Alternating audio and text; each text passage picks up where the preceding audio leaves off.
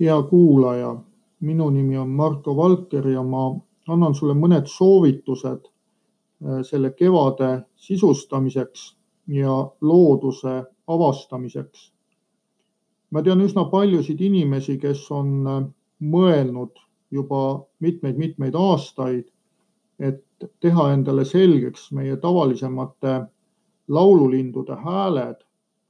aga kord on jäänud puudu ajast kord on jäänud mingite muude põhjuste taha ja see on nii edasi lükkunud. ja see kevad on siis mitmes mõttes äh, linnuhäälte avastamiseks, selle põneva maailma selgeks tegemiseks ideaalne aeg.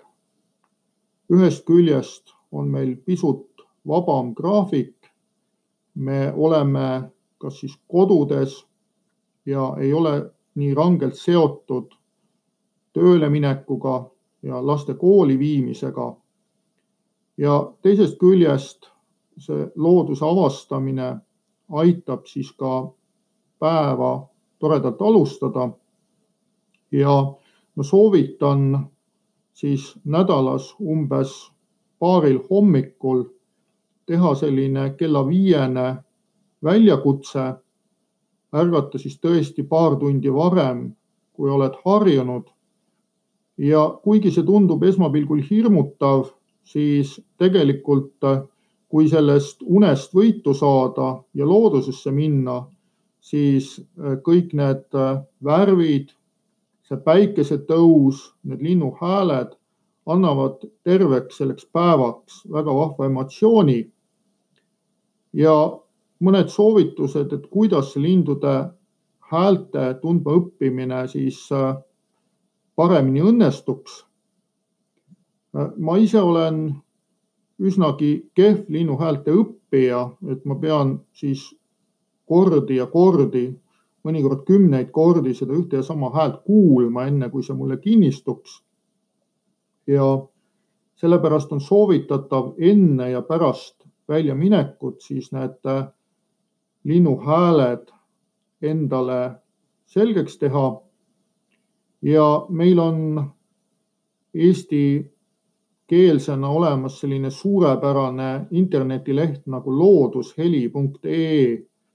et seal on olemas enamiku meie laululindude hääled ja praegu aprilli esimesel poolel on just paras aeg linnuhäälte õppimisega alustada, sest kohale jõudnud linde ei ole veel liiga palju.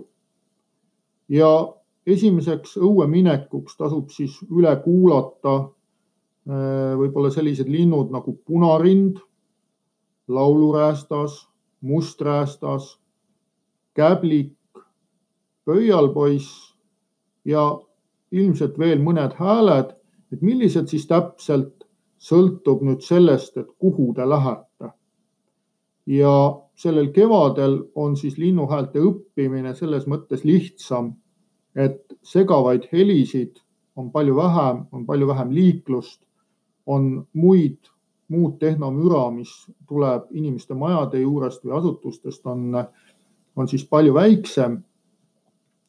ja väljas praegusel ajal tasub olla siis veidi enne päikesetõusu kuskil kella kuue ajal näiteks, sest juba pimedas hakkavad häälitsema meie esimesed laululinnud, sama punarind ja musträästas. ja kui päike kerkib, siis äh, minut minutilt lisandub neid häälitsejaid juurde. aga mida teha siis, kui kohtate mõnda tundmatut lindu, kelle hääl ei ole tuttav? sellisel juhul tasub see käepäraste vahenditega üles lindistada. Ning äh, kui te küsite nõu äh, ka siis linnuhuviliste foorumis või siis ka näiteks ilmaõpikoja Facebookis, siis ma usun, et äh, saate vastuse, et kui see lindistus on nüüd selline, et see hääl tõesti sealt kostab, siis on võimalik, võimalik see häälitseja siis kindlaks teha ja me loodame siis selliseid soovitusi lindude õppimiseks oma lehele veelgi lisada. nii et soovin kõigile toredat väljas käimist ja vahvaid loodushommikuid koos perega.